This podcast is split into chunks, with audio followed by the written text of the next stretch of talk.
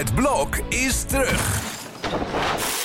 Vier koppels, vier bouwvallen, vier verbouwingen en dus een hele hoop stress. Het blok, iedere werkdag om half negen bij net vijf.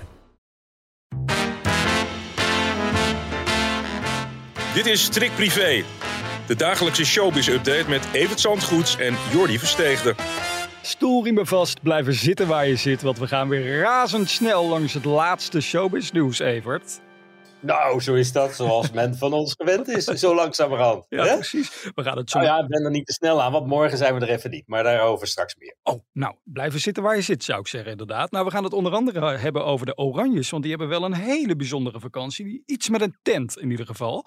Maar eerst gaan we naar de circus tent van Hans Klok, want daar is iets vreselijks eh, misgegaan gisteren. Nou, dat moet werkelijk voor, voor mensen die daar in de zaal zaten en voor de betrokkenen zelf natuurlijk. Daar hangt weer zo'n rad des doods, twee van die enorme wielen die eh, eh, ronddraaien. Ze hebben er zelfs vier van gemaakt, Space in Carré ook trouwens. En ja, dat het ongeluk zit daar natuurlijk in een klein hoekje. Het gaat drie keer per dag goed en één keer in de zoveel tijd gaat het fout. Er is gisteravond van grote hoogte iemand naar beneden gevallen. En je kan je voorstellen als je daar zit in die zaal met je kinderen, dat dat alles is wat je niet wil zien. De sensatie is allemaal geweldig, maar als het fout gaat, is het toch wel heel erg snel eh, echt mis. Ja. En eh, ja, zo'n man die daar dan roerloos eh, blijft liggen en wordt afgedekt door lakens totdat de ambulance er is. Ja, dat is een akelig gezicht voor iedereen. En Ja. de organisatie heeft wel goed gereageerd, moet ik zeggen. Die hebben iedereen een sms gestuurd met ook de aanbeveling dat als de kinderen of zij zelf er last van blijven houden, dat ze naar de huisarts moeten. Mhm. En ja, dat zijn beelden die je niet eenvoudig meer van je netvlies eh, krijgt, denk ik. Nee, hoe is het nu met die man, met die acrobaat? Eh, Kan die weer door? Nou, het laatste nieuws wat we gisteravond van, laat van Hans Klok hoorden, is dat hij bij kennis zou zijn. Dat hij werd onderzocht in de VU in Amsterdam. ja. En eh, dan lijkt het weer mee te vallen. Maar ja, het wachten is natuurlijk een keer dat dit eh, wel fataal afloopt. Het is een heel spectaculaire act. Ja. Eh, als die wielen komen, dan denk je, ja, dat heb ik nou wel een keer gezien. Daarom, die, die circusartiesten die doen er alles aan om het nog spectaculairder, nog gevaarlijker te maken. Ja. Ja, en dat eh, heeft op een gegeven moment zijn grens bereikt natuurlijk. Eén moment van onachtzaamheid en, en je ligt beneden. Ik heb wel begrepen dat de shows tot en met 8 januari gewoon doorgaan. Dus dat, dat ja, ben benieuwd wie er nog wil gaan zitten in het publiek. ijzeren circuswet, hè? de show must go on. Ja. En eh, ja, het is voor iedereen in dat circuswereldje, want die kennen elkaar allemaal natuurlijk, Mhm. is het een eh, grote klap. En eh, we weten nog weinig over het, het slachtoffer, maar het lijkt dus voorzichtig mee te vallen. De kinderen van Hans Kazan, die doen de grote verdwijntruc. Ja, die, die verdwijnen nu echt. Ja, ik Ja. heb nooit begrepen hoe groot dat nou precies was. Ik dacht dat zij voor Nederlandse gemeenschappen over de hele wereld optraden. Maar ja, Hans laat nu posters zien van Japan tot met Mexico, tot weet ik veel waar ze allemaal hebben opgetreden. Eh, ja, ik, ik, ik vond het leuk dat die kinderen dat deden. Maar het is voor mij, voor mij eh, is een raadsel hoe groot dat nou eigenlijk was, Magic Unlimited. En we zullen het ook nooit meer weten, want over twee weken valt ineens het doek. nou En, ja. eh, ja, dat is, eh, dat is ja, misschien komt het wel weer terug ooit. Mhm. Want dat, dat is illusionisten eigen natuurlijk. Ze zijn weg en ze zijn weer terug. Maar ja, dat gaan we dan maar zien. Het was voor hem wel heel leuk natuurlijk dat, hij, dat dat kroost allemaal in zijn voetsporen trad. Ik keek vroeger al met natte haartjes op de bank naar de Hans Kazan show bij de Tros. Toen traden zij op in de pauze. Ja, met mijn tijd had je weer wat aan. Maar kijk je ook je verstand. eh, je hebt geen- toch geen, al zit je er bovenop. Je hebt Ja. nog geen idee.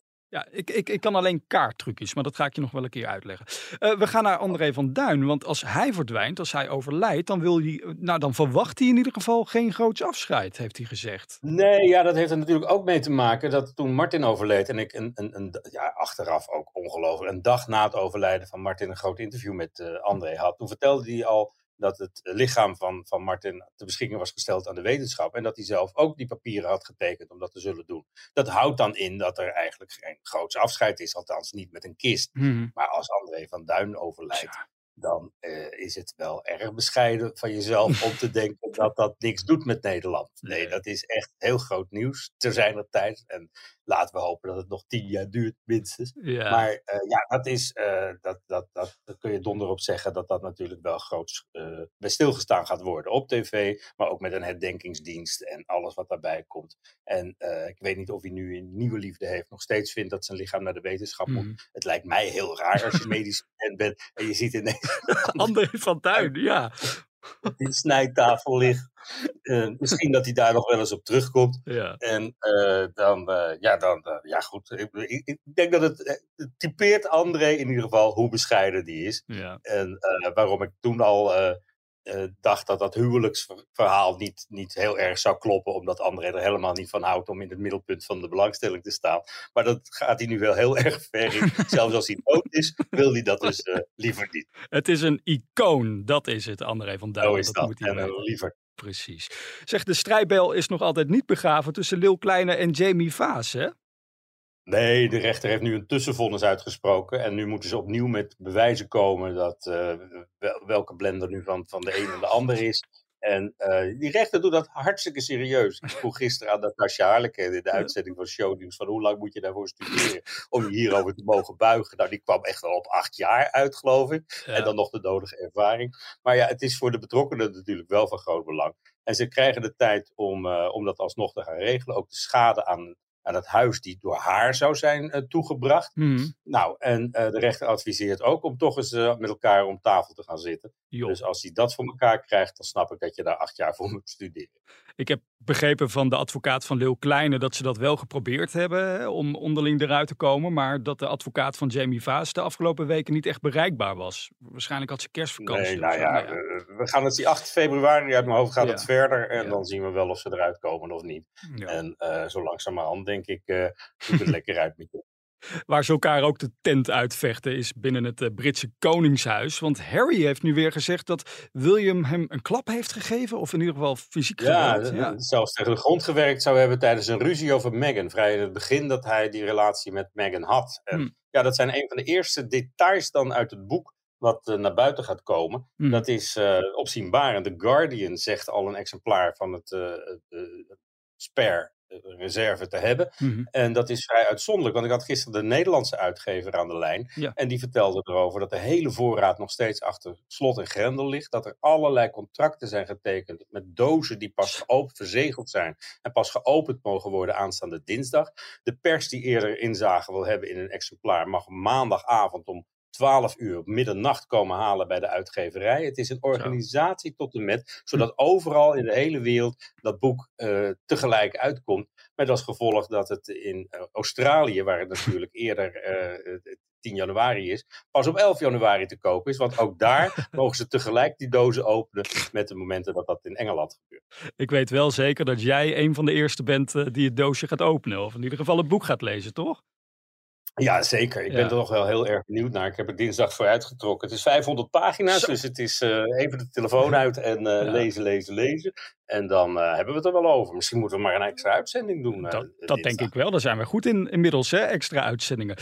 Tot slot gaan we nog even naar Maxima. En nou ja, eigenlijk naar de Oranjes, want die zijn gaan kamperen.